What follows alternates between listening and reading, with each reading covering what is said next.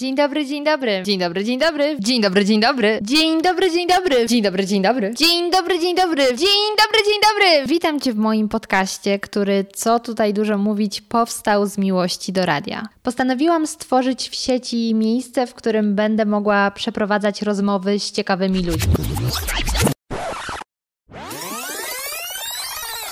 Właśnie w taki sposób przywitałam się z Wami i oficjalnie rozpoczęłam działalność podcastu radioaktywnego.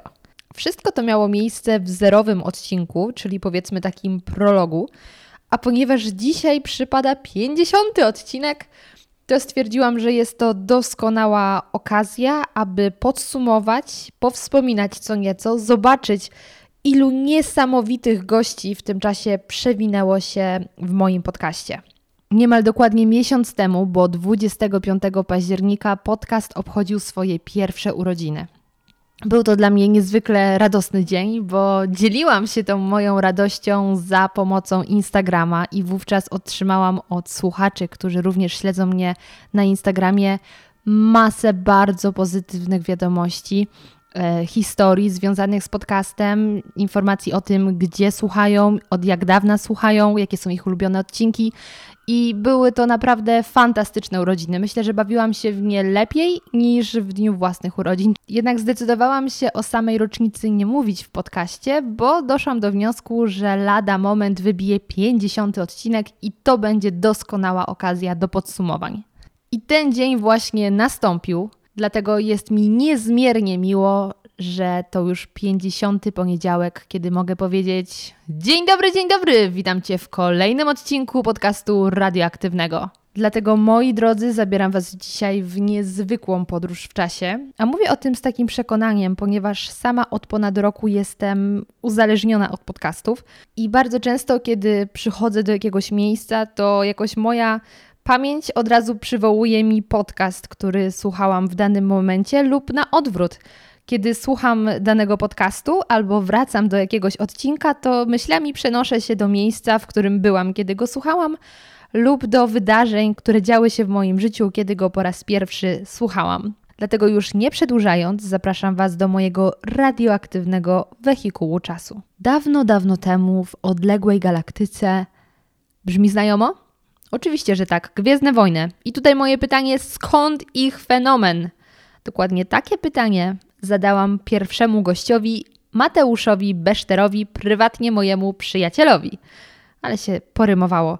Podczas tej rozmowy Mateusz próbował wyjaśnić mi, dlaczego świat zakochał się w Gwiezdnych Wojnach, a także opowiedział mi o swoich tradycjach związanych właśnie z tym filmem. Staram się minimum raz, dwa razy do roku obejrzeć e, wszystkie, jeszcze do niedawna sześć części, w tej chwili już mamy osiem. Za niedługo będzie dziewięć. Tylko powiedz mi, jak możliwe jest oglądanie w kółko tego samego filmu i się tym nie znudzenie? No bo dobra, ja co roku oglądam e, Kevina. Właśnie chciałem do Kevina nawiązać. Ale z czasem to nawet Kevin zaczyna mnie nudzić i tak oglądam już tylko jednym okiem, a Ty dalej to przeżywasz. To jest chyba trochę taka, taka przyjemność, która jakbym przez cały czas oglądał te Gwiezdne Wojny, pewnie w pewnym momencie też bym miał dość. Natomiast jeżeli to jest taka przyjemność, którą się wiąże na przykład, nie wiem, z okresem świątecznym, tak, mamy Kevina, który gdzieś tam bezpośrednio już w naszej kulturze wiąże, wiąże się z tym, że oglądamy go w naszych nowych, ciepłych skarpetach dostanych, od, e, które otrzymaliśmy od babci, a że faktycznie leci Polsat, lecą świąteczne reklamy, już nie, nie widzimy rodzinki, która kopie w piłkę przez cały rok, a to, to są chyba te takie smaczki, które nam się wiążą później z całą przyjemnością dookoła tego. Gościem, a właściwie gościową kolejnego odcinka była Zuzanna Drost, czyli moja koleżanka z ówczesnej pracy. Z Zuzią porozmawiałam o studiach kulturoznawczych, które na tamten moment myślałam, że są najnudniejszym i najmniej potrzebnym kierunkiem. Mój światopogląd uległ ogromnej zmianie właśnie po tej rozmowie. Pięć lat studiów tak naprawdę polegało na rozmowie i mądrzeniu się wzajemny, wzajemnym i rozmawianiu, kto ma tak naprawdę więcej racji i dlaczego. E, ty przy tym samym starając się zrozumieć, że i ty mądrząc się i ta osoba mądrząc się, możecie mieć wzajemnie rację, że wasze racje się nie wykluczają. I ja powiem ci, że parokrotnie jestem nerwusem i parokrotnie no pijana mi szła, bo się tak żarłam na zajęciach, również z wykładowcami, którzy stwierdziłam, że w ogóle co on opowiada, w ogóle, że to nie ma sensu, nie? I jakby to jest też takie fajne, że uczysz się dyskusji, sztuki na argumenty. Uczysz się argumentować swoją tezę, a nie tak, bo tak, koniec. Gość trzeciego odcinka wydaje mi się, że jest dotychczas najmłodszą osobą, która pojawiła się w podcaście. Tomek Sobania jest młodym pisarzem, który własnymi siłami wydał dwie fantastyczne książki. Ja mając 16 lat zebrałem prawie 7 tysięcy przez stronę polakpotrafi.pl, więc każdy, kto pisze, też może zebrać te, przez tę stronę pieniądze. Ja założyłem sobie, że w 30 dni zbiorę 6600 zł, a przez pierwsze 13 zebrałem 350, z czego połowę wpłacił mój tata. Takie były początki. No i to, że potem wszystko się udało, to zawdzięczam wielu życzliwym osobom, bo okazało się, że jeśli przez te pierwsze dni byłem taki sfrustrowany i, i zły, że napisałem książkę, że znalazłem wydawcę, że teraz potrzebuję pieniędzy i wszystko kurde nie działa, już tak ładnie szło, nie? Całą tę moją frustrację jakby przekułem na zaufanie, e, że skoro Bóg tak o mnie się troszczy i tyle mi już wcześniej dał i, i zresztą nie znałem się z nim od wczoraj. Tak naprawdę 14 dnia e, trwania projektu okazało się, że ktoś udostępnił informację na Facebooku, że ja wróciłem do domu, a miałem już 650 zł więcej, że 200 osób weszło na projekt, no i tak się to zaczęło rozkręcać, że w 17 dni zebrałem 6600 zł. I ani na chwilę nie przestaje mnie zadziwiać. Kiedy obserwuję to, co dzieje się na jego wallu, jestem pod wrażeniem, ile ten chłopak robi w swoim życiu i jak wysoko zawiesza sobie poprzeczkę, a następnie ją przeskakuje. Gościem czwartego odcinka była Michalina Bolach, moja serdeczna przyjaciółka, dzięki której mam obecnie już dwa tatuaże. I właśnie o pracy tatuatora opowiedziała mi w podcaście. Wiem, że trudno to jest zrozumieć z perspektywy kogoś, kto przychodzi do stażysty i wie, że ta dziara może nie wyjść. Zdarzały się przypadki, że po prostu ludzie nie, chcieli coś niezależnie od tego, czy to wyjdzie, czy to nie wyjdzie, ważne, żeby było za darmo na przykład. I to, by, to były świetne skórki do ćwiczeń, bo oni robili to w pełni świadomie, e, a z perspektywy czasu ja mam pełen approve do tego, bo znam właśnie e, przypadki takich e, tatuaży, gdzie podłożył się jakiś znajomy i w ogóle to nie do końca wyszło dobrze, ale e, tam jest czynnik ludzki. Gdzieś ta krzywa kreska, gdzieś, gdzieś to niedobicie, to jest bardzo takie... To tak jak na papierze, kiedy tam nie wyjdzie jakaś kreska tuszem. I to, to było akurat urocze, że e, niektórzy akceptują swoje te dziary potworki, bo one mają pewien urok. Nosimy jakby wspomnienie po kimś na, na, na sobie i to nie jest ważne, czy to jest ładne, czy brzydkie. Chociażby teraz jest modny bardzo ignorant style, który tak naprawdę właśnie nie przedstawia nic, nic wielce e, górnolotnego i pięknego, a jednocześnie ten czynnik ludzki jest najfajniejszą rzeczą, jaką można, można w tym znaleźć. W 43 na 50 odcinków był gość. Dotychczas tylko jedna osoba pojawiła się dwukrotnie i jest to mój brat, Zmaczy. Po raz pierwszy spotkaliśmy się przy okazji piątego odcinka, w którym zadałam mu pytanie: Ej, zmaczy, co samochód mówi o kobiecie? Pierwsze garbusy to była tragedia. To był tak naprawdę Volkswagen Golf. Samochód. To był, golf jest bardzo męski, że dość. No, klientela jest męska. I oni zrobili po prostu garbusa, który miał być dla kobiet. To jest karykatura. Zwróćmy uwagę na jedną ciekawą rzecz. Rozmawiamy dzisiaj o jakich samochodach? O Fiacie 500, o Mini i o Garbusie. Tak. Co łączy te samochody? Wszystkie powstały Niemieckie? na fali retro. W dwóch przypadkach to wyszło. Mini, wielki sukces. BMW wykupiło prawa do, mark do marki Mini, zrobiło nowe Mini, szaleństwo. Fiat stwierdził, e, no my też może. 500 wyszła. Volkswagen stwierdził, ja? ja widzę to spotkanie. Hans, my musimy coś robić bardzo takiego fajnego. Taki szmeterling. Taki, zróbmy gabus. No i Niemcy ze swoim radosnym poczuciem humoru stwierdzili, ja, gabus będzie bardzo dobry. Zróbmy tak, żeby go na, pewno, żeby na pewno go nikt nie kupił. Oczywiście, jak każdy starszy brat, Paweł wykorzystał okazję, aby nieco mnie upokorzyć i podczas tego podcastu opowiedział parę historii, z których nie jestem specjalnie dumna. Pani Małgorzata Zmaczyńska gdy zobaczyła, że jej brat uczy się jeździć samochodem, stwierdziła, ja testę. Przed przebiciem opony przejechała 5 metrów. Dobrze, to jak podsumowałbyś nasze dywagacje mm, dotyczące kobiet i samochodu? Czy jeśli zakładamy, że samochód mówi coś o mężczyźnie, możemy też założyć, że samochód mówi coś o kobiecie? Tak. Dziękuję. Dziękuję. Pretekstem do nagrania szóstego odcinka był zbliżający się Dzień Ninja. I powiem Wam, że tylko na pierwszy rzut oka znalezienie ninja w Warszawie jest trudnym zadaniem. Tak naprawdę wystarczy tylko wiedzieć, gdzie szukać i najlepiej zrobić to w szkole jogi. Mam ochotę stać się ninja. Powiedz mi, jak w takim razie wygląda ta medytacja?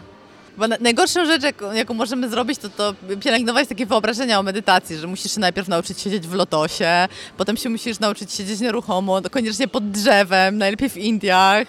Jak sobie myślimy tak o medytacji, to nikt z nas nigdy nie zacznie medytować, bo zawsze będziemy niewystarczająco przygotowani do tego, tak? E, albo nie będziemy w Indiach właśnie. Pojmuję medytację jako taką chwilę, w której jesteś we właściwym miejscu, we właściwym czasie, jesteś tu i teraz i masz możliwość przyjrzeć się sobie, czyli przyjrzeć się temu, kto się przygląda, pobyć ze sobą. Specjalnie pominę odcinek siódmy, który był tak naprawdę gotowym materiałem, który nagrałam kilka lat wcześniej i opowiadał on o tym, jak wygląda życie świętego Mikołaja, jak imprezuje i jaki jest przepis na idealne święta. Także jeśli jesteście ciekawi, to już teraz zachęcam Was, żebyście po zakończeniu słuchania tego odcinka wrócili sobie do odcinka siódmego. Zakładając podcast, postanowiłam, że nie będę wrzucać się do jednej konkretnej kategorii. Dzięki temu zostawiłam sobie ogromne pole manewru co do tematów i zapraszanych do podcastu gości. I właśnie dlatego mogłam bez najmniejszych oporów nagrać ósmy odcinek z moją wspaniałą przyjaciółką Klaudią Tyszkiewicz 10 na 10, z którą porozmawiałam o największych hitach muzycznych z początku lat 2000. Nawet nie zdajecie sobie sprawy, jak wielką radochę miałyśmy nagrywając ten odcinek. Myślę, że to właśnie ta luźna atmosfera sprawiła, że opowiedziałam sporo dość upokarzających historii z mojej młodości, które, hmm, może lepiej, gdyby jednak nie zostały wypowiedziane. No ale nic, co raz zostało odwrzucone do sieci, nigdy z niej nie ginie. Właśnie są takie piosenki, myślę, że bardzo dużo osób się ze mną zgodzi, mimo że wydaje mi się, że to jest niesamowite, bo to jest fenomen na wiele szkół podstawowych z różnych stron Polski, a jest ciągle ten sam. Wieczne kłótnie o to, czy to jest shut up to shut up, czy shut up to shut up, albo czy to jest don't you know pump it up, czy pump it up. Bang! Ja myślę, że to był problem, ale już nie teraz. to był problem. Teraz już w podstawówkach myślę, że y, naprawdę to jest y, historia, to o czym rozmawiamy i nikt tych utworów nie zna, bo tak jak mówię, one nawet nie są w mainstreamie. W radiu się tego nie puszcza. No, Gwen Stefani może czasem, ale, ale rzadko się do tego wraca. Zanudź osobom w naszym wieku. Szarap, tu, szarap, szarap. Dziewiąty odcinek nagrałam z bardzo ważną postacią dla tego podcastu, ponieważ moim gościem był Andrzej Tucholski. To właśnie dzięki temu człowiekowi dowiedziałam się, czym są podcasty i postanowiłam, że założę swój własny. Andrzej w dziewiątym odcinku opowiedział mi o tym, jak ogarnąć życie, jak zarządzać czasem i jak odnieść sukces w internecie. Ludzkość bardzo często blokuje się na rozróżnianiu, co powinno, a co jest. Dobry przykład. Ludzie powinni móc zachować prywatność w internecie. No tak, ale już prywatność jest stracona. Jedyne, czym możemy się zajmować, to jak postępować dalej, jakie ustawy podpisywać, jak się tym zająć.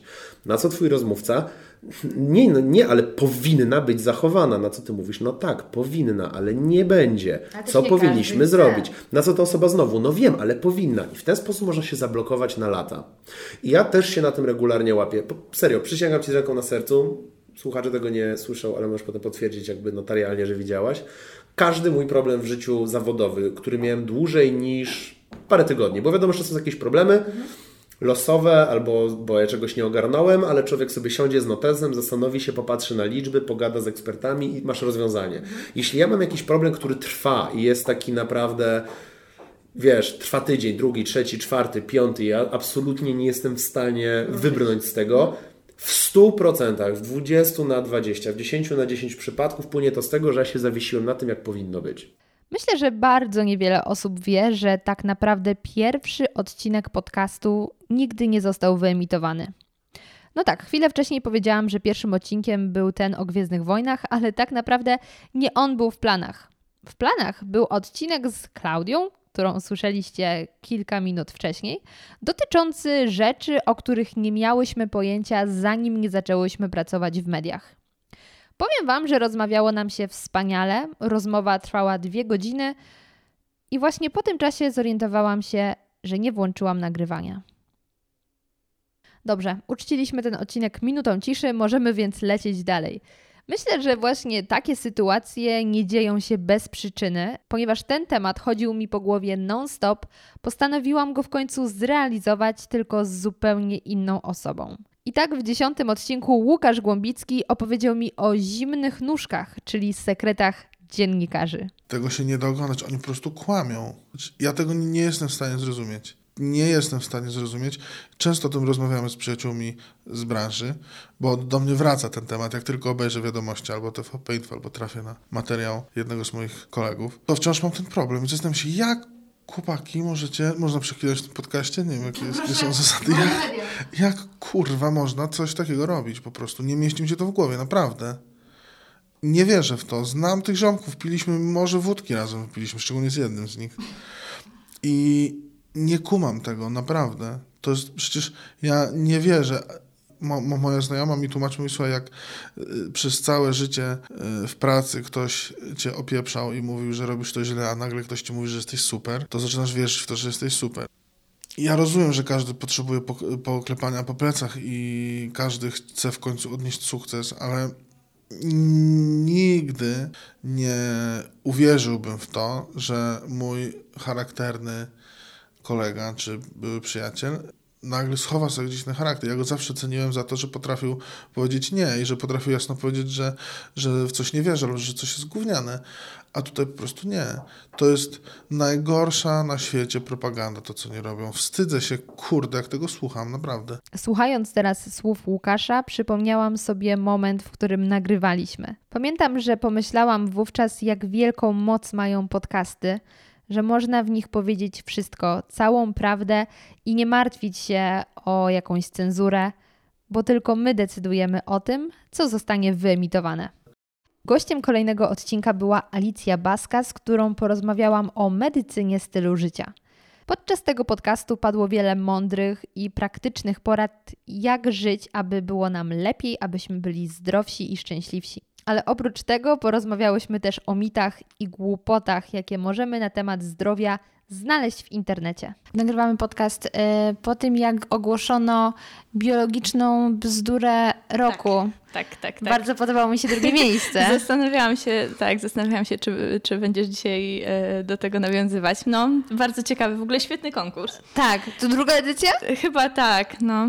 Także fajnie, że takie rzeczy są um, tak, bo wyłapywane. Dla tych, co nie słyszeli, e, pierwsze miejsce zajęła profesor Majewska, która stwierdziła, że... że szczepionki robią z ludzi cyborgów. Natomiast drugie miejsce przypadło Ani Lewandowskiej, która w jednym ze swoich artykułów napisała, że smalec gęsi jest świetnym źródłem białka. Wcale nie tłuszczu, ale białka. To jest absolutnie niesamowite, ile wyjątkowych, wspaniałych osób poznałam na przestrzeni tego roku. I mowa tutaj zarówno o gościach, z którymi jestem przekonana w większości przypadków nie mogłabym porozmawiać, gdybym nie nagrywała tego podcastu, ale również o osobach, które poznałam dzięki podcastom, bo oni sami są twórcami. I tak gościem 12 odcinka był Michał Vasquez-Plewniak, autor podcastu Each One Teach One, który opowiedział mi o niesamowitym tańcu, jakim jest breakdance. Nie wiem od czego zacząć w sumie. Chcesz od początku? Od czy... ziemi pewnie, bo to chyba tam się zaczyna większość figur. Dokładnie, czyli od parkietu, na którym człowiek się już obija 18 lat i 18 lat tarza plecy i uderza głową, łokciami, e, oczami i kostkami po wszelkich płytkach chodnikowych i parkietach w całej Polsce. Czy później wszystko pierzesz e, w wizirze? Wiesz co? Mm, tak. Wszystko jest, zostaje wyprane później w wizirze, ale oczywiście nie da się sprać dziur na wszystkich spodniach, które mam na treningi. I na twoje szczęście dziury są obecnie modne. Jeśli słuchacie mnie od jakiegoś czasu, to waszej uwadze na pewno nie umknął fakt, że kiedyś pracowałam w polskim radio. Dlatego właśnie kocham radio i wszystko, co z nim związane, a radiowców uważam za jednych z najsympatyczniejszych ludzi. Dlatego właśnie gościem 13 odcinka był mój kolega ze starej pracy, John Bishop, który ma polsko-angielskie korzenie. Porozmawiałam z nim nie tylko o różnicach między polskim radiem a BBC, ale również o różnicach kulturowych i oczywiście angielskiej kuchni. E, słucham BBC Radio 4 codziennie rano. A pijesz herbatę o 17? E, nie, nie piję 5 o'clocku. Ja po prostu piję, ja jestem bardziej kawoszem, um, ale to nie znaczy, że nie piję herbaty. Dużo się pije herbat u nas w domu i oczywiście to musi być Earl Grey Twiningsa i nie tego Twiningsa, co się kupuje w Polsce, tylko e, to musi być dostarczone prosto z półek brytyjskich supermarketów, czyli jak ktoś przyjeżdża. A, a mój szwagier zamk... mieszka w Wielkiej Brytanii, to jak przyjeżdża, to no czasami właśnie, jakoś herbatę. bo zamknęli tak. Marks Spencer. I to jest wielki mój ból. To jest, to jest naprawdę taka bolączka, że już nie ma Marks Spencer, to nie wiem co w ogóle, co mam. A co tam kupowałeś? E, kupowałem Marmite, czyli aha, no to to już jest brytyjskie, ale też kulinarne. No to jest taka pasta drożdżowa, która się daje na tostach. To... Pasta drożdżowa? Tak, to jest takie, takie czarne. Z drożdży pasta? Z drożdży pasta. Czarna, jak smoła. I po prostu dajesz to tak ciut, ciut na tym. Na A to przepraszam, jaki ma smak? Taki jak Ostry, drożdże? jak drożdże, ale bardzo intensywny ale jest po prostu przepyszny. Na przestrzeni tego roku wydarzyło się nie tylko bardzo wiele w moim życiu, ale również w życiu kulturowym Polski, ponieważ został wypuszczony pierwszy polski numer Woga. Dlatego właśnie w czternastym odcinku porozmawiałam z Tomkiem Drzewińskim, fotografem, który zdradził mi, jakie historie skrywają sesje zdjęciowe, które widzimy w magazynach modowych. I oczywiście porozmawialiśmy o Ani Rubik, i ziemniakach. Okładka dla mnie jest super, ale jak otworzyłam i przyjrzałam trochę te zdjęcia i Anię Rubik leżącą na ziemniakach, to stwierdziłam, no to już niekoniecznie. Ziemniaki jednak do mnie nie przemawiają, przynajmniej nie w Wogu. Proszę nie leżeć na ziemniakach, tak? Proszę nie leżeć na ziemniakach. tak sobie myślę, zostaw, że, myślę, myślę sobie, że Ania, Ania, Ania Rubik wchodzi do, do, do sklepu, kładzie się na ziemniakach, Jurgen Teller robi jej zdjęcie i pani z zalady krzyczy, proszę się nie kłaść na ziemniakach. Myślę, że takie były kulisy tej pewnym momencie podcast predestynował do kategorii turystycznej, ponieważ trzy odcinki dotyczyły podróży. Serię tę zapoczątkował odcinek 15, który nagrałam z Kamilem Michałowskim, moim serdecznym kolegą z warszawskiego radia Campus. Kamil od wielu lat praktykuje capoeirę, czyli niezwykłą sztukę walki z elementami tańca, która wywodzi się z Brazylii. I to właśnie o Brazylii i bananach, które smakują jak jabłka, porozmawialiśmy w 15 odcinku. Ale tam faktycznie było tak, że, że wiesz, no ci ludzie, mimo tego, że, że ja pochodzę z zupełnie innej kultury niż oni, mimo tego, że spotkanie z kobietami w Brazylii jest ciężkie dla Europejczyka, naprawdę ciężkie, bo, bo to jest dopiero zbitek kulturowy, nie? Że kobieta z dzieckiem na ręku puszcza ci oczko i wiesz, cześć, amigo. Nie? Ile ty miałeś lat? 21, 22, ale wiesz, dla mnie to było przerażające, nie? Ja się nigdy z tym nie spotkałem. Ja wtedy zacząłem rozumieć, o co chodzi kobietom, które są podrywane na ulicy. To w Polsce jeszcze tego nie ma, nie? Ale jak oglądasz filmiki ze Stanów, gdzie kobiety opowiadają o tym, że, że faceci za nimi gwiżdżą i tak dalej, że one się czują z tym niedobrze, że tam wiesz, kto się zaczepia. Chcecie pojechać do Portugalii. Wiesz co, no ty jesteś też... No ja byłam w Portugalii, więc wiem. Jesteś całkiem, całkiem ładna, masz taką, wiesz, twarz bardzo charakterystyczną, która może się podobać, więc jakby też pewno miałaś nawet w Warszawie takie, takie akcje, że jakiś tam facet Ale tylko za tobą... wśród obcokrajowców. O Wiesz, tylko obcokrajowcy no. zaczepiają w Polsce. Natomiast... Ja dopiero wtedy to zrozumiałem, no. nie? Jakby nigdy nie zdawałem sobie z tego sprawy, że, że to może być yy, tak po prostu niekomfortowe uczucie, jak dziewczyna do ciebie tam, wiesz... Pozostajmy jeszcze na chwilę za oceanem, ale przenieśmy się nieco na północ, do Stanów Zjednoczonych. Bo to właśnie o USA i życiu Polonii w Chicago porozmawiałam z moją przyjaciółką Magdą Krzyśko. Albo dobra, to może tak, ja ci będę mówić, co mi się kojarzy z Chicago, co mnie jara, mm -hmm. a ty powiesz, jak to wychodzi w rzeczywistości. Jarają mnie amerykańskie samochody, bo one są takie duże. I w ogóle tam jest y, no. automatyczna skrzynia biegu, za którą nie przepadam, bo ja to... lubię się bawić biegami a i ja czuć się jak w ja, ja wracam do Polski, ja jestem jak po prostu jakiś uczeń. Ale to ja cię nauczę, mała. Ja cię no, nauczę ja parkować ja muszę równolegle. A tam po prostu wsiadam i lecę po Czy... highwayu. No właśnie. I Stówkę. powiedz, jacy są kierowcy w Stanach? To jest akurat na mega plus. To nawet... Plus? Oczywiście. To dajesz. Tam jest taka kultura, po prostu tam nie ma problemu, żeby ktoś cię, nie wiem, wpuścił. Tam jest, po prostu uwielbiam to, bo na przykład my, y, y, nawet wczoraj to komentowałam, że... Dla konkurencyjnej stacji? 17 odcinek również przeniósł nas do zupełnie innego świata, bo do świata filmów. Rozmawiałam w nim z Kamilą Pściuk o naprawdę niezwykłej pracy scenografa. Bardzo często to jest tak, że dom jest z zewnątrz ogrywany w innym miejscu niż ten, który się dzieje wewnątrz. O, jakie to smutne.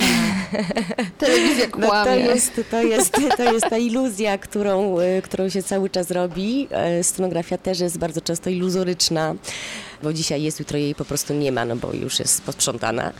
Więc to są takie, no, takie triki, które się stosuje i jest to koniecznie, ja w tej chwili się też przygotowuję do produkcji e, filmu fabularnego, gdzie będę miała takie sytuacje właśnie i to w dwóch jakby obiektach że jedno wnętrze jest kręcone tu, a na zewnątrz, y, jak gdyby zewnętrze jest gdzie indziej.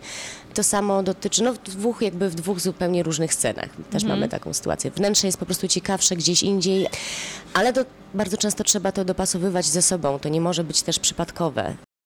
Z każdym dniem robi się coraz zimniej, a temperatura upodobała sobie okolice zera.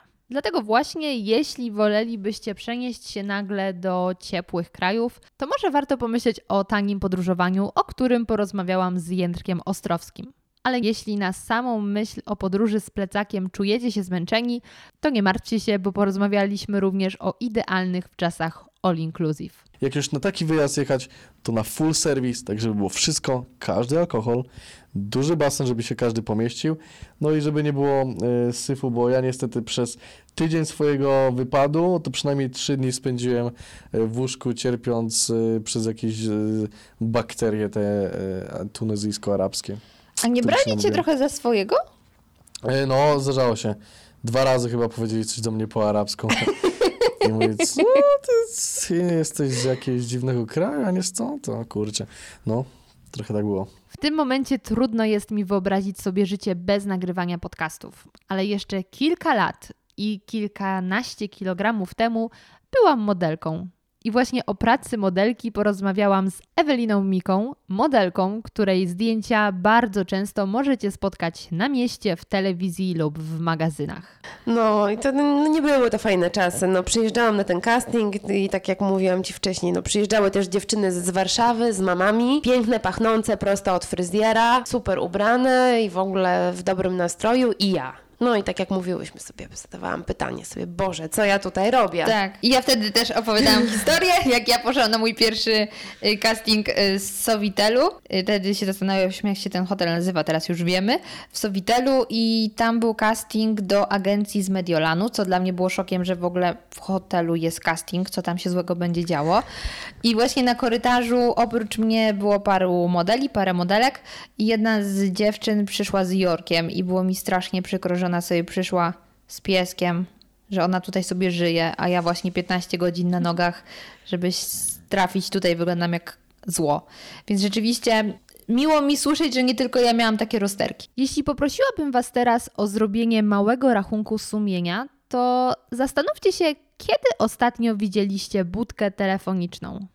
Jeśli w ostatnim czasie nie byliście w Londynie, to prawdopodobnie było to szmat czasu temu. I właśnie o przedmiotach, których kiedyś używaliśmy codziennie, a dziś nikt o nich nie pamięta, porozmawiałam z moim bratem. Często dochodzę do wniosku, że ten człowiek wie niemal wszystko i to na każdy temat. I tak, moja teoria sprawdziła się również tym razem. Fax. I ten taki dziwny dźwięk drukowania. What the fax chciałoby się powiedzieć. What the fax. Jak działa fax? Kurde, gdzie ja ostatnio dzwoniłem? Ja dzwoniłem do jakiejś firmy i też było, że tam, e, że połączyć się z kimś, tam wybierz jeden. Fax wybierz dwa.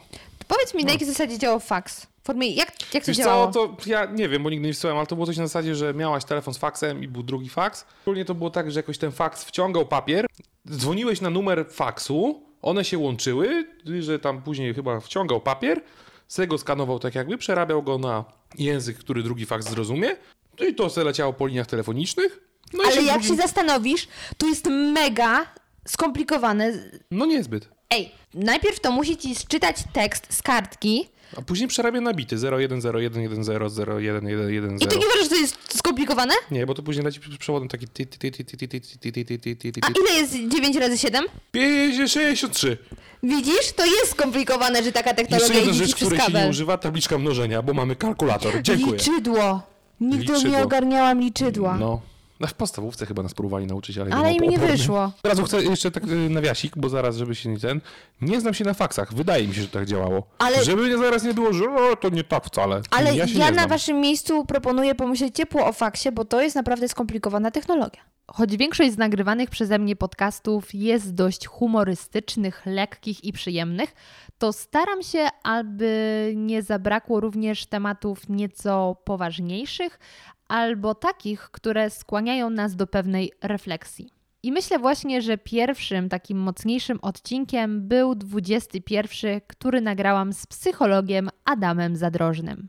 E, ale e, lifehack, jak mamy już jakąś taką bliższą relację, nie wiem, jest to przyjacielska relacja, czy po prostu jesteśmy w związku, to fajnie jest jakby e, przez 10 minut ale a w ogóle nie ruszając nawet oczami o milimetr, patrzeć drugiej osobie w oko, ale właśnie z takim założeniem, że dobra, że, to, że nie chodzi o to, żeby nie wiem, śmiać się 5 minut, ale po prostu niewzruszenie, patrząc w oko drugiej osoby. I to, co jest ciekawe, w ogóle zrobili takie badanie, jakiś taki włoski badacz zrobił, że nawet pojawiają się halucynacje w pewnym momencie, szczególnie jak jest przyciemnione światło, ale jakby dla mnie to po prostu buduje pewnego rodzaju poczucie jakiejś takiej bliskości i też e, tego, że yy, wiesz, czasem w relacjach zagadujemy ciszę, a według mnie zupełnie niepotrzebnie. Dobrze jest milczeć z jakąś osobą, ale nie, że siedzimy obok siebie, tylko rzeczywiście patrzymy sobie w oczy. Ale tak perfidnie cały czas w oczy, czy możesz sami mrugać, spojrzeć na Nie, jakby mo możesz mrugać, ale nie ruszasz, nie ruszasz oczami nawet o, nawet o centymetr. To jest jakby siedzisz i to jest trudne, I jak ale... długo? No weźmy 10 minut. Synu! Ale chodzi o to, żeby rzeczywiście jakby patrzeć niewzruszenie w oko tej drugiej osoby i też po prostu obserwować też jakby wewnętrznym, wewnętrzną koncentracją, co się dzieje w nas. Pojawiają się emocje w pewnym momencie, tak? Niektórzy mogą nawet, wiesz, może pojawić się płacz. I to jest dziwne, no bo dlaczego miał pojawić się płacz? Ale pojawia się Może jakby... ty masz tak piękne oczy, że aż się wzruszyłem. Przez oczy pojawiają się. Całe życie kręci się wokół emocji i na pewno emocji nie zabraknie nam przy wizycie w Escape Roomie. Gościem 22 odcinka był Mateusz Kopeć, właściciel Escape Roomu Continuum w Poznaniu.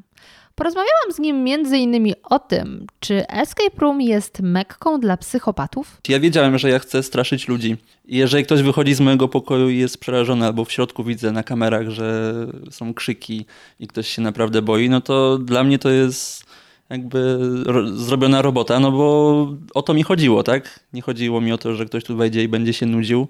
Myślę, że można by takie badania zrobić. Oj, tak. Ile procent ludzi, którzy prowadzą escape room są sadystami i do czego mogliby być zdolni w realnych warunkach? Słuchaj. Ogólnie escape roomy to jest szerokie pole, jeśli chodzi o różne badania takie psychologiczne, naprawdę. Mnóstwo jest tematów, które można poruszyć opierając o escape roomy. Kurde, i mam świadomość, że teraz część ludzi, którzy słuchają tego podcastu... Boją się zrobi... mnie. To jedno, to jedno, ale drugie, że zrobią takie badania.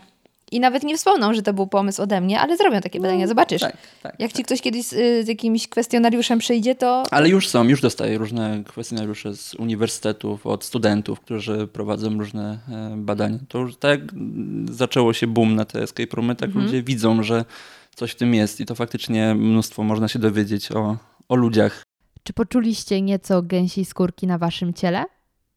Jeśli tak, to kontynuujemy mroczny temat, a to wszystko za sprawą nocnego Marko, youtubera, z którym porozmawiałam m.in. o zjawiskach paranormalnych, a także rzeczach, które nas przerażają.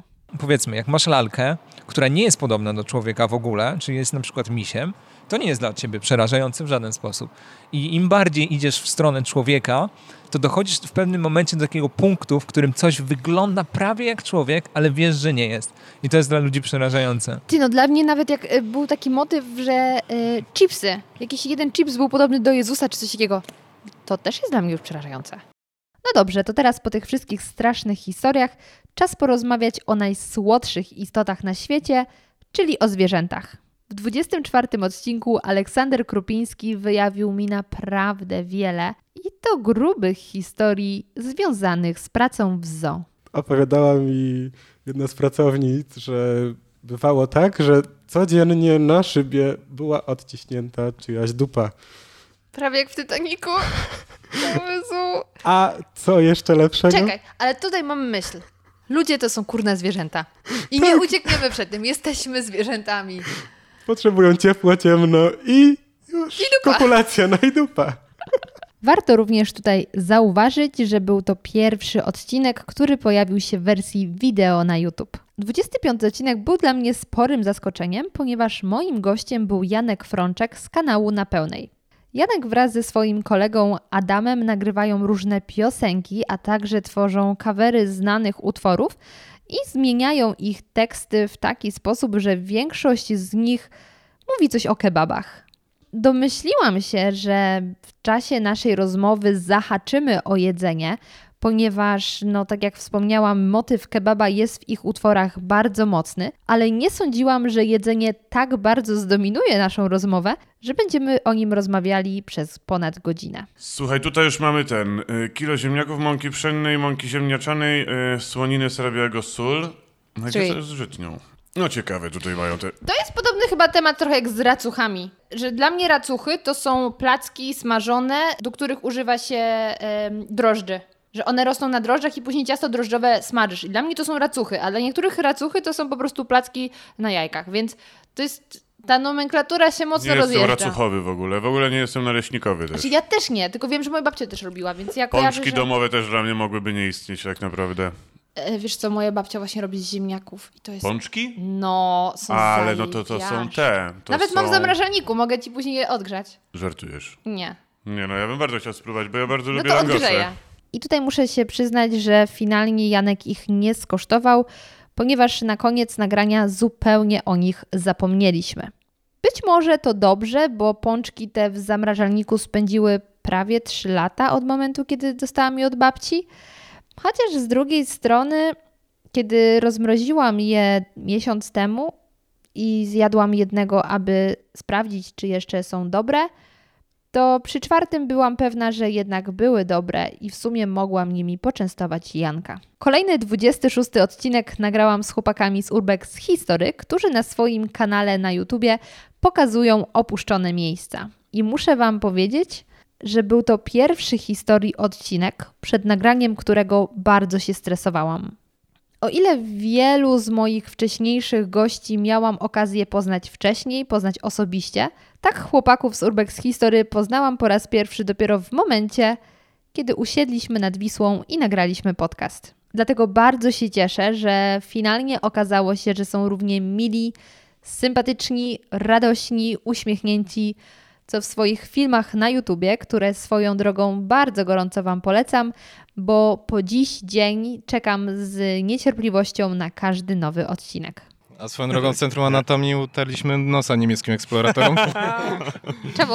E, Przyjechaliśmy samochodem i e, siadamy, p- siedzimy w tym samochodzie, patrzymy na te Centrum Anatomii jakieś łebki chodzą dookoła i widać, że chcą wejść do środka. Tu usiądzie, tu się poczai, tu dotknie płotu, tu poszuka wejścia. Wyś, wyszliśmy do nich i dobra, zagadamy, może znając jakie wejście, że siema, siema, też chcecie wejść do środka, zlali nas totalnie. No tak, no dobra. Przyjechały. Przyjaciele. Przyjecha, Tak. przyjechały Polaczki, tak. No i tak patrzymy, szybko, szybka obczajka, wróciliśmy po kamerę. Nie wiem, 10 sekund byliśmy w W środku. środku. O, oni wiesz, kopara do kolan. Tak, 10 minut później weszli tam, gdzie my wchodziliśmy, więc... I wtedy nadszedł 27 odcinek, w którym padły takie słowa. Przychodzę do Was z informacją o tym, że podcast będzie miał przerwę. I ta przerwa trwała chyba miesiąc. Chociaż w tym materiale powiedziałam, że potrzebuję odrobinę się stęsknić i odpocząć od podcastu, to prawdą jest, że non-stop nagrywałam, żeby właśnie zrobić zapas, który sprawi, że nie będę musiała co tydzień martwić się, że nie mam y, nowego odcinka na zbliżający się poniedziałek. Prawdą jest, że wcześniej nie zakładałam, że podcast będzie miał sezony. Wymyśliłam to określenie dlatego, żeby brzmiało bardziej profesjonalnie, że przecież wszystkie duże produkcje mają sezony, więc i podcast będzie miał. Jednak jak teraz o tym myślę, szczególnie mając za sobą miesiąc bardzo intensywnego montowania, praktycznie dzień w dzień spędzam przed komputerem około 15 godzin i dzisiaj jest to kolejny taki dzień, to zastanawiam się, czy może jest w tym jakiś głębszy sens i ponownie po 27 odcinkach, czyli wraz z końcem roku, nie zrobić sobie małej przerwy? No zobaczymy. Tymczasem lecimy dalej. Powróciłam do Was w 28 odcinku, w którym ogłosiłam, że powstała nowa seria Co Ty Gadasz, w której dzieliłam się z Wami moimi rozkminami na jakiś jeden wybrany temat. Dodatkowo podawałam ciekawostkę, którą w ostatnim czasie znalazłam, a także dzieliłam się wartymi odsłuchania podcastami. Co ciekawe, w 28 odcinku poruszyłam akurat kwestię, która hmm, ciągnie się za mną do dzisiejszego dnia. Ktoś mi chyba kiedyś zarzucił, że w tym moim podcaście miałam rozmowę z kimś i, i za mało zadawałam mu pytań, czy może nie do końca zgłębiałam temat, czy nie do końca pamiętam o co chodziło, ale ja się zastanawiałam, kurczę, może ja rzeczywiście powinnam zniknąć z tego podcastu, być tylko osobą od zadawania pytań. I właśnie uświadomiłam sobie, że nie, bo mój podcast to nie są wywiady. To nie są wywiady, to są rozmowy. I ja rozumiem, dlaczego ktoś mógł dojść do takiego wniosku, że coś tu nie gra. I wynika to, wydaje mi się, z tego, że większość podcastów dostępnych w Polsce, prowadzonych w Polsce, to są wywiady. Zaprasza się jakieś, jakichś specjalistów z danej branży i zadaje się im pytania.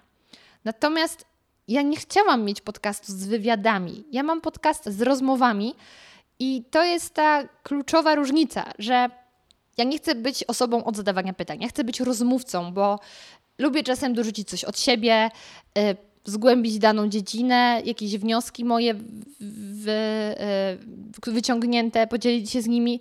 Dlatego moi drodzy, jeśli ktoś miałby problem z tym, że mnie jest tak dużo w moich podcastach, nie mówię teraz o y, serii y, Co ty gadasz, y, tylko ogólnie, to taki jest zamysł. Ja nie prowadzę wywiadów, ja prowadzę rozmowy, bo ja jestem ogromną gadułą i nie wyobrażam sobie tylko zadawać pytań. Gdybym była dziennikarzem, to okej, okay, zadawałabym głównie pytania, ale ja jestem podcasterką, jestem wolnym człowiekiem, przede wszystkim jestem gadułą i ja potrzebuję się mm, wtrącać w te rozmowy. Więc jeśli ten wątek jest już wyczerpany, mam nadzieję, że jest, już nie ma żadnych wątpliwości, w tym podcaście są rozmowy, a nie wywiady. Dziękuję. Gościem 29 odcinka był Paweł Pstrokoński, ornitolog, który nie tylko opowiedział mi o niezwykłym świecie ptaków, ale również zaskoczył mnie faktem, jak inteligentne są właśnie ptaszyny. Młode mają tak zakodowane, to jest wpisane w ich geny, że po wykluciu pierwsze co ono robi, to yy, wypycha yy, jaja pozostałe. Yy, one mają bardzo silne nogi, te młode pisklaki bardzo silne skrzydła. On po prostu bierze to jajko na barana i je Ale wypycha. Kto bierze na... Piskle, kukułki. Czyli morduje pozostałe? Mm, to ich jeszcze, raczej to są zalążki, które siedzą w jaju, więc... Boże, jakie to paskudne!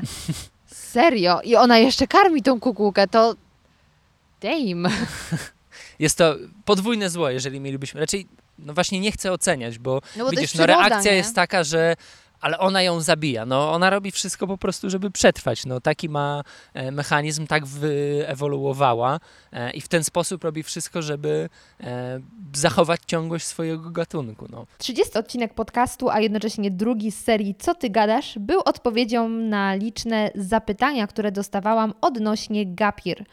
Opowiedziałam w nim o moich doświadczeniach, a także o tym, czy warto zrobić sobie rok przerwy pomiędzy liceum a studiami. Doszłam do wniosku, że ja umrę, jeśli będę musiała czytać przepisy prawne, jeśli będę musiała siedzieć w tym prawie podatkowym, bo to jest zło. To jest zło. Mój tato to ogarnia i chwała jemu za to, natomiast no nie, ja naprawdę się do tego nie nadaję.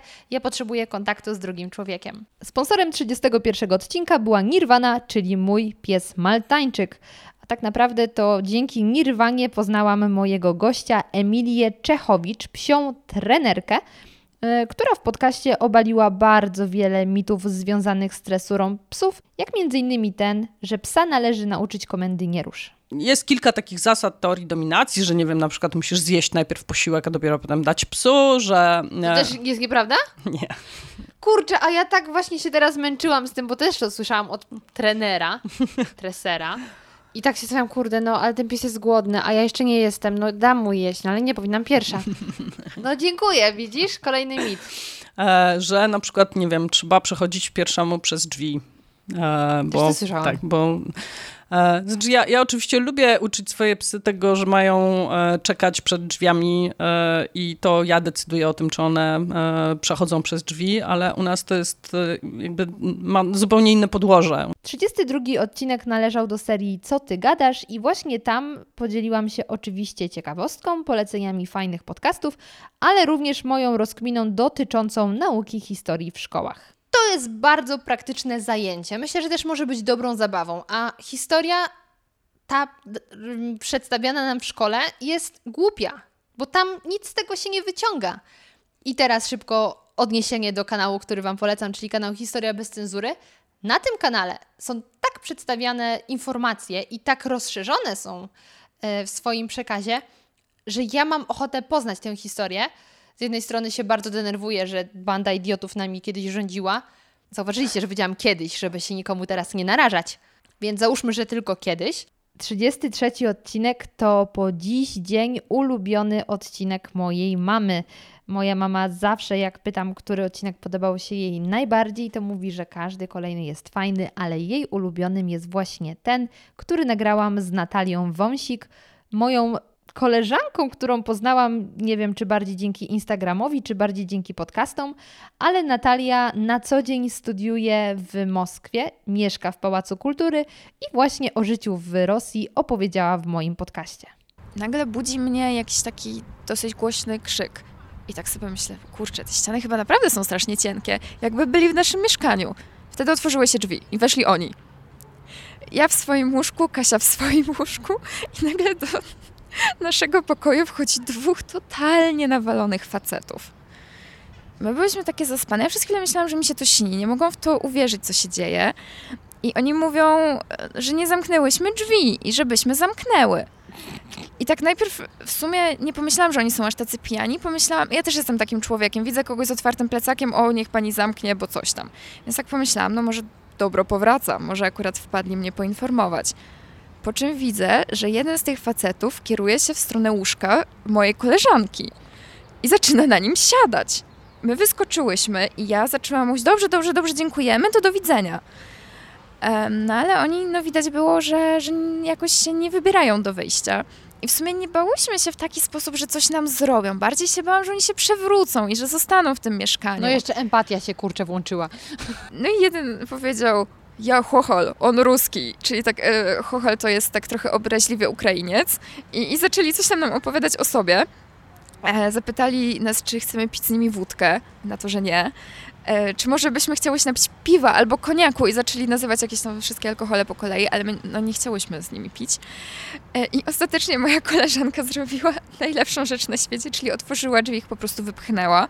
A jeszcze jak ich wypchnęła, to nie się stuknęli głowami wydaje mi się, że to jednak no, był cud, że takie coś zobaczyłam i w sumie z tej perspektywy mnie to bardziej śmieszy, bo jeszcze raz powiem, ja się nie bałam. Ja po prostu się czułam jakoś tak, chciałam, żeby oni stąd wyszli, chciałam po prostu iść spać. No tak, ten masochizm by mi tu pasował. 34 odcinek praktycznie zakończył serię Co ty gadasz? Ponieważ w pewnym momencie miałam już tak duży zapas ciekawych gości, że stwierdziłam, że szkoda waszego czasu, waszego życia na słuchanie moich rozkmin. Lepiej, abyście posłuchali mądrych gości, których do siebie zapraszam. E, I właśnie w tym, co ty gadasz, podzieliłam się moją rozkminą na temat wieku, ponieważ zbiegło się to z moimi 23 urodzinami. To od razu teraz Wam mogę powiedzieć, że jeśli chcielibyście, aby seria Co Ty Gadasz wróciła, żebym e, dzieliła się z Wami różnymi ciekawostkami, rozkminą i poleceniami fajnych e, podcastów czy kanałów na YouTubie, to dajcie mi znać proszę w mailu albo napiszcie na Instagramie, żebym wiedziała, e, że warto raz na tydzień albo raz na dwa właśnie taki luźniejszy odcinek zrobić. Jest wiele aspektów, gdzie czuję się staro, tak mega dojrzale, ale są aspekty, gdzie jestem większym dzieciakiem niż wszyscy, więc ja nie wiem, po co komu określanie wieku. Znaczy, wiem. Masz 18 lat, no to nabywasz pewne prawa. Masz 21, to również nabywasz głównie w Stanach Zjednoczonych. O, i co ciekawe, ja już myślałam, że wszystkie te magiczne granice mam za sobą, a tutaj się okazuje, że nie. Bo ostatnio ze znajomymi pojechaliśmy do Berlina i wypożyczyliśmy busa. Więc ja, jako że kocham jeździć samochodami, powiedziałam: Słuchajcie, ja w razie czego mogę być kierowcą na zmianę. Po czym się dowiedziałam, że nie mogę być kierowcą na zmianę, bo jestem za młoda. Muszę mieć skończone 24 lata. I wtedy pomyślałam: Wow! W 35. odcinku odwiedził mnie Paweł Badura z podcastu Kreatywne Zagłębia. Paweł uświadomił mi i jednocześnie wytłumaczył, że Śląsk to wcale nie jest Górny Śląsk, że o ile jest Dolny Śląsk i on jest tylko jeden, to w przypadku Śląska, województwa śląskiego, sprawa jest nieco bardziej zawiła. Powiedzmy, że w Międzynarodowym Towarzystwie Gorolsko-Śląskim, Hanysowskim, no to było a ty Gorolu, a ty, a ty Hanysie i, i, i to, jest, to, jest, to jest fajne. Teraz to jest sympatią, a natomiast jeszcze tam 15, 20, 30 lat temu, no to było grubo. E, to było grubo i, i to naprawdę był strach jechać do Katowic i w ogóle niekiedy się dostawało po, po twarzy, że tak powiem. E, no i to, to było, w, no powiedzmy tak 20 par lat temu, 20, coś koło tego. To jeszcze było niebezpieczne. No. 36 odcinek odbił się sporym echem na Instagramie, ponieważ zaprosiłam do niego Wojtka Kardysia, który opowiedział o obecnych influencerach i o tym, jak kupuje się lajki.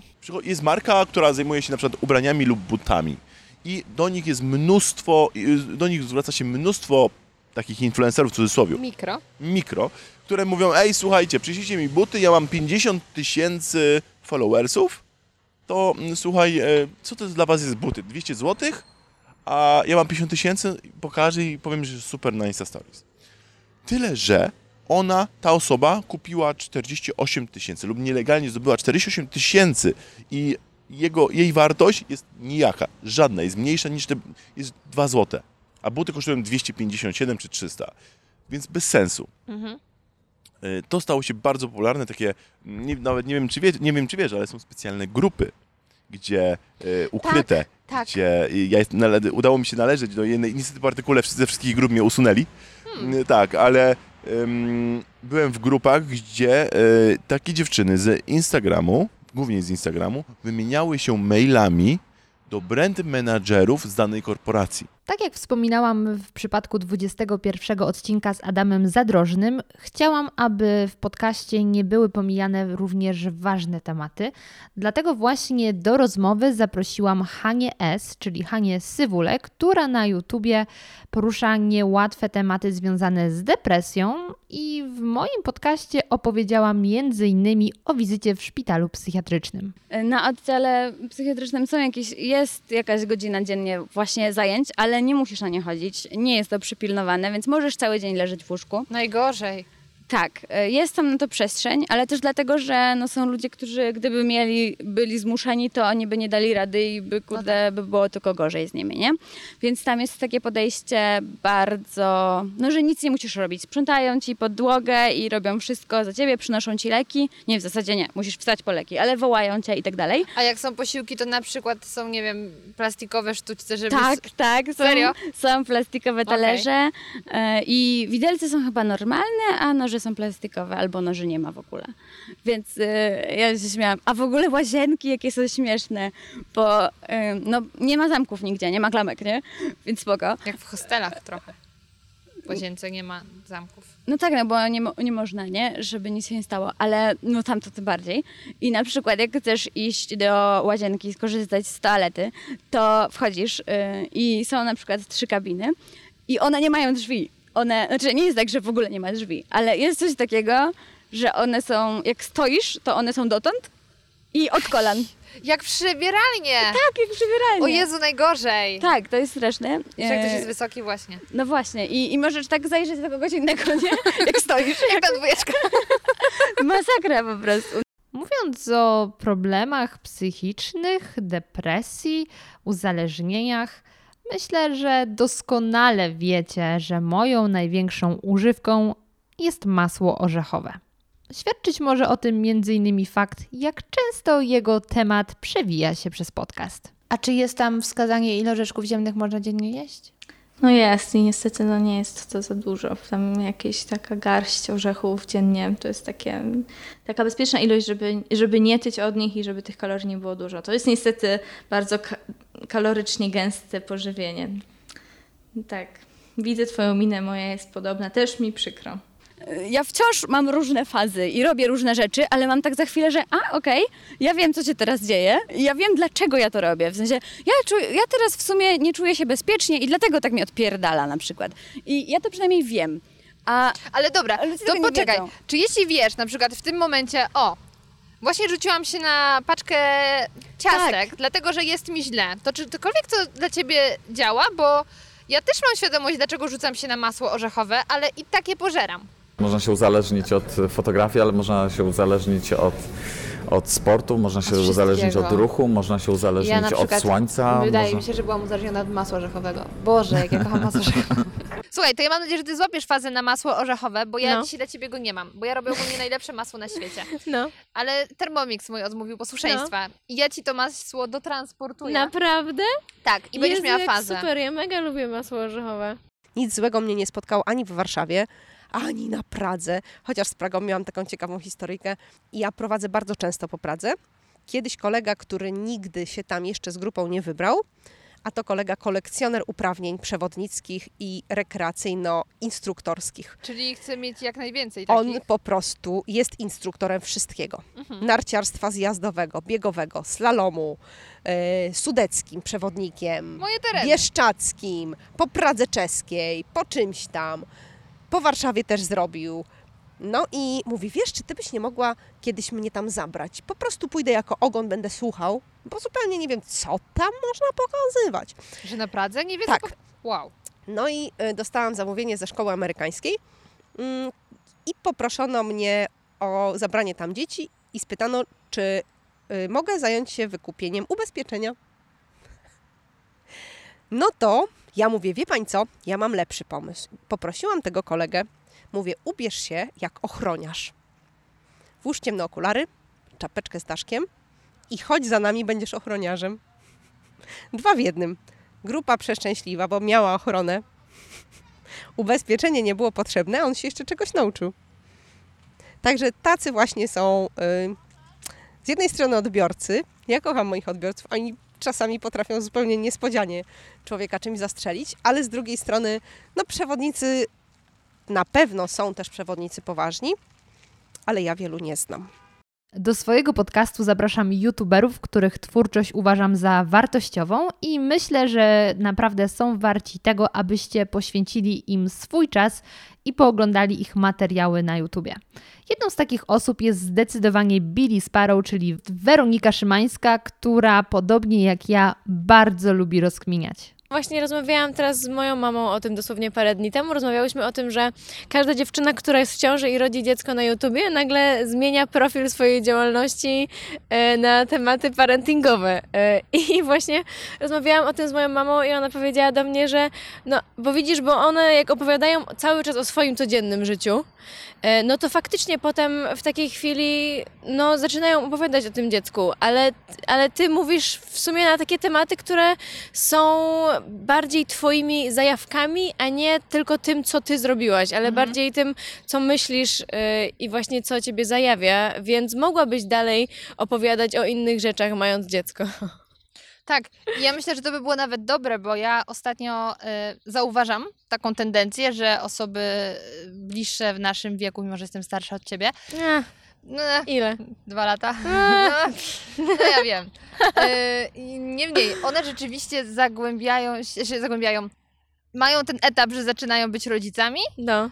I to są rodzice, a dalej youtuberzy i niektóre teksty, które słyszę typu dajcie znać w komentarzach, czy chcecie, żebyśmy razem w tym samym momencie poznali płeć, dzie- płeć dziecka. Mnie tak troszeczkę przeraża. Chociaż no sama nie jestem w takiej sytuacji, więc nie wiem, co bym zrobiła, ale no jest to dość dla mnie ciekawe zjawisko. Tak jak wspominałam na początku, kocham nagrywać podcast przede wszystkim dlatego, że mogę zapraszać do niego ludzi, z którymi w normalnych okolicznościach raczej nie miałabym możliwości rozmawiać. Tak było w przypadku gościa 40 odcinka Romana Czejarka, który jest ojcem sukcesu Lata z Radiem. Jestem pod ogromnym wrażeniem, jakie tam były zabawy, konkursy towarzyszące i moją ulubioną historię jest, y, historią jest historia o wyborach Miss, szczególnie pierwszej Miss, y, pani Kasi? Pani Kasi. Niestety nie mam z nią kontaktu, a bardzo bym chciał. No właśnie chciałam zapytać. Szukałem. Ja ostatnio nawet e, To próbowałem... ja może tylko zajawię krótko, jak to było. Dobrze. Y, Pierwsze wybory Miss Oho. wygrała pani Kasia, która dostała w nagrodę Cinquecento. Tak. Y, I pochodziła z dość biednej rodziny. Z bardzo biednej, ja Tak. tam byłem. Ja to Aha. widziałem. Naprawdę było bardzo biednie, naprawdę. Więc to Cinquecento to było coś i wtedy dzięki temu ona mogła do Warszawy dojeżdżać? Tak, ona, mało tego, myśmy jej załatwili pracę w radiu. To ona za chwilę było. Ona pracowała było- u nas było potem tak. w sekretariacie i by, była masa plotek, bo to był ten sam czas, kiedy Waldemar Pawlak wymyślił, żeby Pierwszą- Miss Polski tak. była jego rzecznikiem prasowym. No i wszyscy pomyśleli, że no, dokładnie Czajarek wymyślił sobie to samo. Tak, Ściągnął panią Kasię, ładny- znalazł tak. sobie Kasię do sekretariatu. Natomiast Kasia rzeczywiście dzięki tej pracy znalazła męża. Tak, nauczyła się języka angielskiego, Tak. poznała naprawdę wysoko postawionego, urodzonego Kanadyjczyka. Kanadyjczyk, tak, ambasada Kanady. Chyba John, ale też nie pamiętam. Natomiast e, pamiętam, bo ja na początku myślałem w ogóle, że to jest, e, że to jest niemożliwe. Choć dzisiaj możemy świętować wspólnie 50. odcinek, to faktem jest, że na kanale zostało opublikowanych 54 nagrania. Jak to możliwe? Przede wszystkim pierwszy odcinek, czyli prolog, miał numer 0, dlatego nie jest wliczony w tę 50. Pozostałe trzy odcinki to ten poświęcony podcastowemu Dniu Dziecka, a także dwa inne, za pośrednictwem których informowałam Was o ważnych wydarzeniach w życiu podcastu. Pierwszym takim odcinkiem był ten o nazwie Expecto Patronum, w którym poinformowałam Was, że założyłam konto na platformie Patronite. To oznacza, że możecie zostać moimi patronami, osobami, z którymi utrzymuję bliższy kontakt, z którymi kontaktuję się za pomocą specjalnej grupy na Facebooku. W ostatnim czasie dzieje się tam coraz więcej. Rozkminiamy wspólnie tematy, które zaprzątają moje myśli i muszę Wam powiedzieć, że naprawdę ostatni przykład rozkminy, kiedy zastanawiałam się, kiedy randka jest właściwie randką, a kiedy jest zwykłym spotkaniem i czy może być tak, że jedna strona myśli, że jest na randce, a druga nie, no to przyznam, że dopiero moi patroni, e, kiedy rozważali to ze mną, podrzucili mi chyba najlepszą definicję randki, także dużo się dzieje, dużo kminimy, ale również patroni mają e, możliwość zadawania pytań moim przyszłym gościom, ponieważ wcześniej daję im znać, z kim będę nagrywała odcinek. E, Część patronów otrzymuje również ode mnie masło orzechowe, może podrzucić mi temat na jakąś rozkminę, którą poruszę w podcaście, ale przede wszystkim, niezależnie od tego, jaki próg wsparcia finansowego wybierzecie, to nazwisko każdego patrona dumnie wisi nad moim łóżkiem. Mam taki specjalny plakat i codziennie mogę obserwować tych wspaniałych ludzi, moją społeczność. I naprawdę cieszę się, że mogę nazywać tych ludzi moją społecznością, bo dużo się kontaktujemy i bardzo cenię sobie tą relację i wsparcie finansowe, które przyznaję jest mi w tym momencie nawet bardziej potrzebne niż w momencie, kiedy zakładałam Patronite'a, ponieważ wówczas miałam jeszcze normalną pracę, chodziłam do pracy na 8 godzin, ale ponieważ bardzo wierzę w ten podcast i wierzę też w drugi podcast, który powstał, to stwierdziłam, że chcę się skupić tylko na tym i mam nadzieję, że moja decyzja jest słuszna. Mm, A ponieważ ostatnio montaż codziennie zajmuje mi po 15 godzin, to no nie ma czasu, żeby chodzić do pracy, także to wsparcie jest dla mnie szczególnie cenne. E, No i właśnie z moimi patronami po raz pierwszy zrobiliśmy taki wspólny projekt, jakim jest sonda o problemach, które mają słuchacze podcastów. Dzień dobry, dzień dobry. Ja z podcastem radioaktywnym mam taki mini problemik, że po prostu jest go za mało. Bo widzicie, dla mnie z dobrym podcastem jest w sumie jak z dobrym serialem. Jak już zacznę go oglądać, to nie mogę się oderwać i końca nie widać. że jak sobie jadę moim kochanym samochodzikiem i słucham podcastu, oczywiście telefon jest na siedzeniu, nie żebym trzymała telefon i jechała samochodem czasem. Jest sobie ten telefon na siedzeniu i słucham podcasty i powiedzmy wjeżdżam koło lasu i mi się internet wyłącza i mi się od razu podcast wyłącza. No, God! No, God, please, no! No! No! I się zaczynam denerwować. I potem jadę dalej i zapominam, gdzie ja byłam, co ja słyszałam. I muszę cofać albo muszę przyspieszać. Wydaje mi się, że jest to moment, kiedy Myślisz, że jeszcze coś będzie powiedziane, a podcast się już kończy. I to nie chodzi o to, że podcast jest mało wyczerpujący, tylko w każdej sytuacji chciałbyś słuchać go jeszcze dalej. Lubię słuchać podcastów podczas podróżowania pociągiem. Najgorzej, gdy podcast jeszcze trwa, a podróż dobiega końca. Co wtedy zrobić? Jak już wsiąkniesz w to środowisko, jak już zaczniesz słuchać podcastów, znajdziesz to, co rzeczywiście Cię interesuje, to już po prostu nie możesz wyjść. I słuchasz wszystkich, nadrabiasz e, wszystkie odcinki poprzednie, e, a kiedy już to zrobisz, czekasz cały tydzień na kolejny odcinek. Myślę, że jednym z większych problemów, jeśli chodzi o podcasty, jest fakt, że doba jest jednak stanowczo za krótka. W internecie możemy znaleźć naprawdę masę ciekawych podcastów. Jeśli byśmy tak chcieli posłuchać wszystkiego, co nas interesuje, to jest po, po prostu obiektywnie patrząc niemożliwe. Fajnie by było czasem posłuchać sobie na basenie, tylko za cholerę jeszcze nie znam urządzenia, które by pozwoliło słuchać muzyki lub podcastów podczas pływania. Jak opowiadasz komuś o podcastach, to zazwyczaj on w ogóle nie wie, co to jest.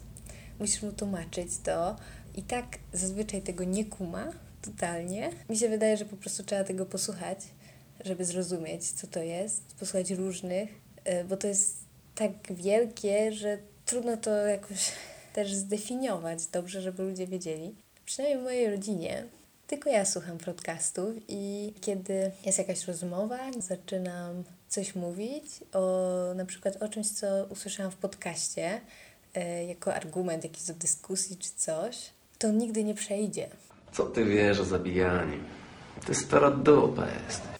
Bo to jest podcastu. To nie jest wiarygodne źródło według nich. Ale gdy powiem, że od kogoś usłyszałam, to już nie ma tego problemu.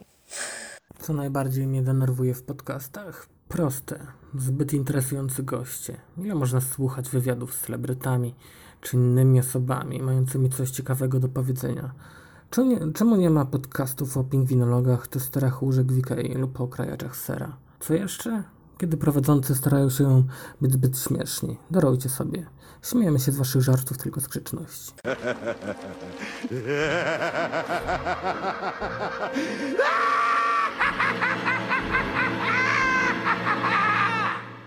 Jestem bardzo zadowolona z tego materiału, że mogłam usłyszeć głosy moich patronów. Pierwszy raz to nie tylko ja mówiłam, ale również oni. Także bardzo się cieszę, że udało nam się ten materiał zrealizować mimo niewielkiej e, ilości czasu, który na to mieliśmy. Ja od siebie mogę dorzucić mój taki wewnętrzny problem, że kiedyś postanowiłam sobie słuchać podcastów tylko na siłowni, żeby dzięki temu mieć większą motywację do chodzenia na siłownię. I tak się złożyło, że mojego ukochanego podcastu nie słuchałam od miesiąca, bo nie byłam na siłowni. No ale zasady trzeba mieć, także tylko siłownia do tego konkretnego podcastu obowiązuje. E, no i to już jest naprawdę motywacja, żeby pójść na tą siłownię i móc na nowo słuchać. Jeśli chcielibyście dołączyć do tego zacnego grona, do grona tych fantastycznych ludzi, bo to tylko część osób, e, które są moimi patronami, nie każdy miał wystarczająco czasu, aby móc e, nagrać od siebie parę słów, to zachęcam Was gorąco, zapraszam na stronę patronite.pl ukośnik zmacznego. Damian opowiedział mi wiele kontrowersyjnych faktów, a także obalił kilka mitów związanych z pracą na busach na trasach międzynarodowych. Zapominając o, o innych zawodach i, itp. itd. Ale wydaje mi się, że właśnie, że przez to, że ktoś tam sobie nagrabił kiedyś i, no i ci kierowcy są postrzegani tak, jak są postrzegani, to często, gęsto ludzie nie są zbyt chętni do rozmów, zwłaszcza wiadomo, jak to na parkingu stoi po piwku czy po dwóch. Ale to Znaczy, zależy, to no jak zależy po od piwku, człowieka, jak na tak? drugi dzień jedzie. No, wiesz, piwo może sobie wypić wieczorem, nie? No bo może być Czy bezalkoholowe dwa, w sumie. nie? No tak. Prawda jest taka, że piwo cię puszcza tam, nie wiem, po 6 czy, czy po 4 godzinach, zależy od organizmu. A jak e, ciężarówki mają ustawowo ustalone, że 9 godzin on musi mieć pauzę i nigdzie dalej nie jedzie, bo tachograf go trzyma, więc on może sobie to piwo walnąć wieczorem, tak? Inna sprawa, że często gęsto ci ludzie, czy to ciężarówki, czy busy, jak on się zatrzymuje, gdzieś tam stoi, to albo chce się powydurniać, albo coś tam się pośmiać, po, po he, he, he, jak to mówię, heheszki pouprawiać, tak, poheheszkować, albo po prostu pójść spać. Do 42 odcinka zaprosiłam Dominikę Nachajowską-Cieślewicz z bloga White Pointer Shoes. Opowiedziała mi o balecie dla dorosłych, o tym, kto może tańczyć, czy warto tańczyć, e, a także o wielu ciekawych i często zaskakujących sytuacjach związanych właśnie z baletem. I w, to była córka źle strzeżona. I, Taki tytuł? E, tak. Piękny. I fabuła jest, e, jak łatwo się domyślić, taka, że e, jest, sytuacja się dzieje na wsi, wdowa ma córkę i chce ją wydać za bogatego chłopaka z miasta, ale córka zakochuje się w koledze ze wsi, więc trzeba pilnować tej córki, żeby tam nic głupiego z tym kolegą ze wsi nie zrobiła, a w tym czasie przyjeżdża ojciec z... E, tym księciem? Z tym, tak, z tym chłopakiem z miasta, który się okazuje strasznym durniem i, jest w ogóle totalnym pajacem i ta córka jest przecież tak, jak to... Ale czekaj, to z tymi włosami. Włosami? No źle strzyżona. Strzeżona. Strze... A ja myślę, gdzie będzie puenta z włosami. Ale to, to jest akurat tytuł, który bardzo dużo osób tak interpretuje, więc... y, No widzisz? Znaczy... Ale ja już nawet widzę akcję. Kobieta przychodzi do fryzjera, ma źle zrobioną grzywkę i y, postanawia się zemścić na fryzjerze. I to jest dramat. Tylko raz w historii podcastu zdarzyło się, że jakiś odcinek nie został opublikowany, a mowa tutaj o odcinku 43, który na prośbę bohaterki tego podcastu musiałam usunąć. Zamiast tego nagrałam odcinek 43 i 3 czwarte, który swoją nazwą oczywiście nawiązuje do Harry'ego Pottera i Londynu, który był tłem do wydarzeń tam opowiedzianych. Doszłam do wniosku, że nie może być sytuacji, w której mamy nowy tydzień i nie ma żadnego nowego odcinka podcastu. Dlatego właśnie dość spontanicznie nagrywam ten odcinek, ponieważ kiedy mówię te słowa jest dokładnie 23.46 w poniedziałkowy wieczór, a ja dosłownie chwilę temu weszłam do domu. W 44 odcinku Paweł Najgebauer ze szkoły Impro opowiadał mi o teatrze improwizowanym i przyznaję, że od momentu tej rozmowy yy, non-stop chodzi mi po głowie pomysł, aby wybrać się na te zajęcia, tylko jak na razie brakuje mi czasu. Jeśli e, słuchacze widzą osobę z mikrofonem i jest sama na scenie i mówi śmieszne rzeczy albo próbuje być śmieszna, to to jest stand-up. To my nie jesteśmy stand-upem. Tak, my, są, są, Są dwie dwie osoby, osoby. z mikrofonami. No i skreślenie. to jest podcast. Jeśli są dwie osoby z mikrofonami i mówią rzeczy śmieszne albo próbują być śmieszni, to to jest podcast. Jezu, jaka cudowna definicja. A jeżeli są osoby bez mikrofonu i są śmieszni albo próbują być śmieszni, no to to jest impro. Pamiętacie, jak przy okazji odcinka z chłopakami z Urbex History opowiadałam Wam, że byłam ogromnie zestresowana? Sytuacja powtórzyła się przy 45. odcinku z Rafałem Gęburą z kanału YouTube'owego 7 metrów pod ziemią. Musicie wiedzieć, że ja naprawdę bardzo szanuję Rafała. Jestem jego ogromną fanką. Jestem fanką tego, co robi na YouTubie. Dlatego właśnie byłam zestresowana możliwością rozmowy z nim. Bałam się, czy będzie nam się dobrze rozmawiało, ale okazuje się, że nie było najmniejszych podstaw do obaw ponieważ obecnie z Rafałem się zakolegowaliśmy i już nieraz poszliśmy na wspólną kawę, gdzie oczywiście bardzo dużo rozmawiamy. No, ciekawe, wiesz, no ciekawe. Ja to testuję. Wydaje mi się, że. Znaczy, ja też mam takie poczucie. To jest pewnie indywidualne. E, Ale mi się wydaje, że e, w przypadku moich wywiadów te pół godziny to już jest, e, to już jest enough, wystarczy. Że, że jednak, żeby nie przesadzić tam dwie godziny czy coś. E, Chociaż wiesz, no, No, mamy podcasty. widzów. I Ta, tam dwie godziny- To będzie dłuższe niż pół godziny. Panie, już jest dłuższy. Ojej, okej. E, I, I wiesz, i, i mamy jak gdyby widzów, którzy, którzy piszą, że nie, róbcie dłuższe, nie? Godzina. Zobaczymy, co będzie za rok. Ale no Spotkamy tak, pogadamy, okej, nie? zobaczymy. I wtedy ci powiem, wiesz co, e, po roku wydawało mi się, że pół godziny to jest taki optymalny czas. Teraz w okolicach Dzisiaj trzech. uważam, że, że dob, dobowe odcinki to jest tak optymalne. Dobre. 46 odcinek też niejako jest związany z Rafałem, ponieważ wystąpiła w nim Basia Węgrzyn, którą po raz pierwszy zobaczyłam na kanale Rafała, kiedy to w odcinku na 500 tysięcy subskrypcji wyskoczyła z nim ze spadochronem. A właściwie to Rafał wyskoczył z nią, bo to Basia specjalizuje się w skokach ze spadochronem i właśnie na ich temat porozmawiałyśmy w moim podcaście. Czy jest szansa dla osób, które mają lęk wysokości, żeby wyskoczyć? Ja mam lęk wysokości. Nie! Serio? Serio, no. Nie, naprawdę, to jest... Wiesz co, jak się stoi, powiedzmy, niech będzie na Pałacu Kultury i patrzysz w dół, a chociaż mam znajomych, którzy skakali e, z Pałacu Kultury, ale to pomijmy. To było nielegalne, co? No. E, to jak patrzysz sobie z takiego budynku, wiesz, jakiejś takiej statycznej, e, statycznego budynku, nie wiem, czy jakiegoś mostu w dół, to to jest nisko, nie? I jakby ten lęk wysokości, no to właśnie o to w nim chodzi, że ty się boisz, znaczy tak mi się wydaje, to jest moja interpretacja psychologiczna, że ty się boisz, że wiesz, się potkniesz i że spadniesz, nie? No to to mm, ja bym nie chciała spaść z budynku, ale co innego w samolocie, wiesz, otwierasz No te drzwi. spadniesz, to tam na pewno spadniesz. Tak, i właśnie wiesz, to jest twój cel, żeby spaść, więc jakby się tego nie boisz i otwierasz drzwi samolotu i nie widzisz, wiesz, ziemi, nie? Znaczy, możesz sobie popatrzeć w stronę ziemi, ale widzisz taki bardziej zamazany krajobraz, nie? Nie widzisz konkretnych, nie wiem, ludzi, samochodów, czegokolwiek, jakby w ogóle nie widać szczegółów, więc nie masz takiego, że ci się kręci w głowie i ten obraz e, zamazuje, bo on i tak jest zamazany. E, No, bardziej e, się skupiasz, wiesz, na horyzoncie i na tym, że jak wyskoczysz, to masz jeszcze minutę spadania i możesz sobie polatać po tym niebie i tam, no naprawdę nie ma lęku wysokości jako takiego. W 47 odcinku moim gościem był Martin Stankiewicz, youtuber, którego pracę również niesamowicie szanuję. Uważam, że robi kawał dobrej roboty. I właśnie o życiu youtubera, a także nagrywaniu filmów porozmawialiśmy w rozmowie pełnej dygresji. Ja muszę od razu powiedzieć, ja jestem strasznym amatorem filmowym. Ja zupełnie się nie znam na filmach, nie oglądam filmów za dużo, poza twoimi. Martin, wróć! nie. To, to jest też przykre, bo oczywiście każdy ma prawo do, do własnego stylu życia i, i, i zainteresowań, ale, ale często jak mi ktoś mówi, nie, ja się nie interesuję filmami, ja nie mam czasu na oglądanie filmów, to tak czuję na zasadzie, że Coś tracę, nie?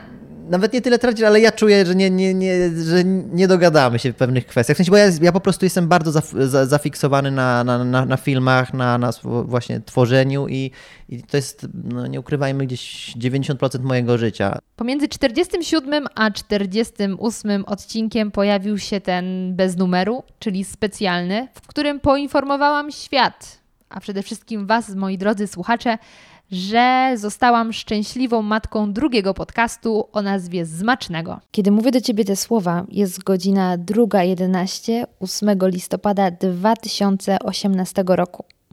Dlaczego postanowiłam nagrać podcast o tak późnej porze? Mam bowiem dla Ciebie informację, która nie cierpi zwłoki. Chociaż jak teraz o tej porze mówię nie cierpi zwłoki, to zastanawiam się, czy powiedziałam to poprawnie, czy język polski jest aż tak dziwny, żeby cierpieć i zwłoki znalazły się obok siebie, to chyba jednak musiał być jakiś błąd. Ale ze względu na porę nie jestem w stanie go teraz y, określić, więc pójdę dalej z tematem. Dosłownie dwie minuty temu skończyłam montować odcinek. Już drugi odcinek, a właściwie pierwszy, bo pierwszy był zerowy. Kolejna zbyt gruba rozkmina jak na tą porę. Otóż powstał zupełnie nowy podcast. Zmacznego, czyli podcast do słuchania przy stole. Z pewnością dla części z Was było to zaskoczenie, że pojawił się nagle zupełnie nowy projekt i to w nieco innym formacie, ale wydaje mi się, że temat kulinariów tak często pojawiał się w tym podcaście, że to po prostu była tylko kwestia czasu. Lecę szybko, gdzieś tam w słuchawkach sobie dosłuchałem jeszcze jak czekałem na wózkowego, potem znowu jakieś tankowanie i to samo, gdzieś tam wiesz, telefon w kieszeń, słuchawki od razu. Dobra, no to na Twoje zamówienie będzie więcej o jedzeniu. Dla mnie Ba- nie ma problemu, ja ja- też żyję jedzeniem. Ja poproszę, ja jedzenie uwielbiam. Po, Cudownie, powiem ci, po wezmę to prostu. pod uwagę.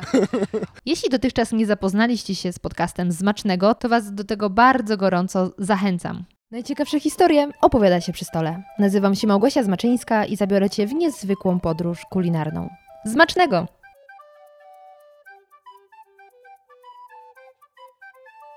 Już widzę, jak nad waszymi głowami pojawił się wielki znak zapytania z myślą, jak to możliwe, że gofry, a właściwie restauracja je serwująca, ma być jakimkolwiek wyznacznikiem tego, jak duże są zniszczenia związane z klęskami żywiołowymi? Już Wam tłumaczę, jak to wszystko działa.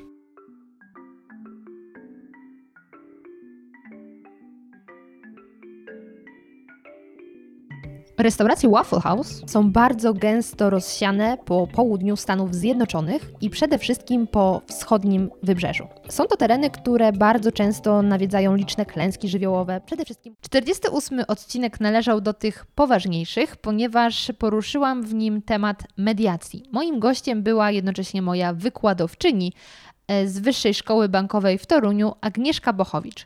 Z tego podcastu możecie się m.in. dowiedzieć, czym są mediacje, kiedy warto na nie pójść i dlaczego są o wiele lepsze niż rozprawa sądowa. O tyle, o ile w sądzie wiemy, że są takie emocje dosyć, e, dosyć głębokie, jest duży stres, bo nawet e, nie wiem, czy brałaś udział kiedykolwiek w sądzie, w rozprawie jako świadek. Nie, szczęśliwie nie. E, No bo, no bo na pewno nie jako oskarżona, ale jako świadek.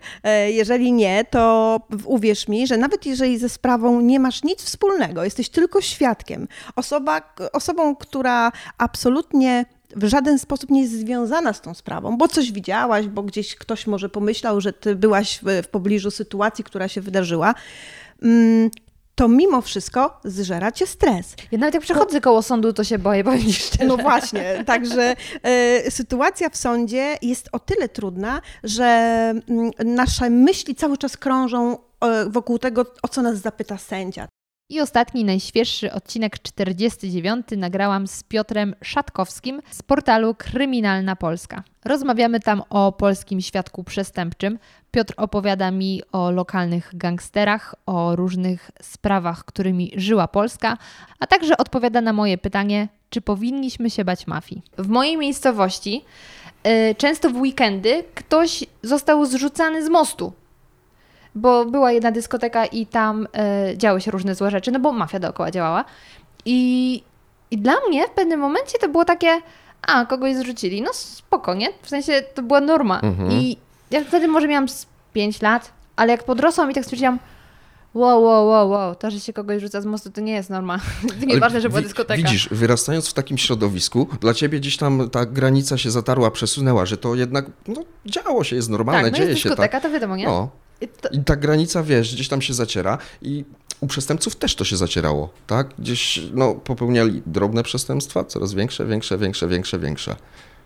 I to tyle, moi drodzy. To już jest koniec 50 odcinka podcastu radioaktywnego. Przyznaję, że już właściwie cieszę się, że jest to koniec, bo montuję to już chyba 12 godzinę, a chciałabym jeszcze móc pójść spać, żeby ten podcast opublikować. W tym momencie chciałabym bardzo serdecznie podziękować, że ze mną jesteście. Naprawdę to, że mam Wasze wsparcie, że do mnie piszecie na Instagramie na zmaczne.go lub podcast podkreślnik, trudne słowo, radioaktywny, albo mailowo podcast radioaktywny gmail.com z wiadomościami o tym, e, dlaczego lubicie ten podcast, który odcinek szczególnie przypadł Wam do gustu. I nawet takie miłe słowo, że cieszycie się na poniedziałek, że będziecie mogli słuchać tego podcastu, to dla mnie jest ogromną radochą i naprawdę kopniakiem w trudne dni, kiedy stwierdzam, dobra Gocha, rzucaj to i, i wracaj do pracy, bo to się nie uda, to wtedy dostaję taką wiadomość i myślę, dobra, to ja jeszcze pociągnę, jakoś to będzie. Także bardzo Wam dziękuję, że jesteście. Podcast w ciągu tego roku jego działalności słuchaliście łącznie przez kilkadziesiąt tysięcy godzin wersji audio i drugie tyle na YouTubie. Kilkadziesiąt tysięcy godzin. Boże, wyobraźcie sobie, jakbym każdemu miała to wszystko mówić z osobna. Życia by mi zabrakło, a strun głosowych tym bardziej. Także to jest absolutnie niesamowite, jakim cudownym narzędziem, jakim wspaniałym medium są podcasty. Także dziękuję, że stanęły one na, moi, na mojej drodze, albo ja stanęłam na ich drodze i na waszej drodze. Na waszej drodze, moi drodzy słuchacze, ale żeby już tak nie było słodko, to chyba będę kończyć. Jeśli chcielibyście podzielić się ze mną jakimiś przemyśleniami do, odnośnie podcastu, odnośnie kwestii technicznych, jakieś propozycje co do gości, propozycje co do zmian, no nie zmienię prowadzącego, przykro mi, ten, to akurat to się nie zmieni, on zostaje. To dajcie mi koniecznie znać. Czekam na Wasze wiadomości mailowo, czekam na Instagramie. Tam macie codziennie też dzień dobry, dzień dobry. I cóż, widzimy się już za tydzień. A nie, powinnam powiedzieć i cóż, do zobaczenia już niedługo. Widzicie, nawet ostatnie zakończenie mi nie wyszło. Buziaki! Aha, ha, ha. I pamiętajcie, gdybyście chcieli zostać moimi patronami, to zapraszam Was na stronę patronite.pl ukośnik zmacznego. Ciao!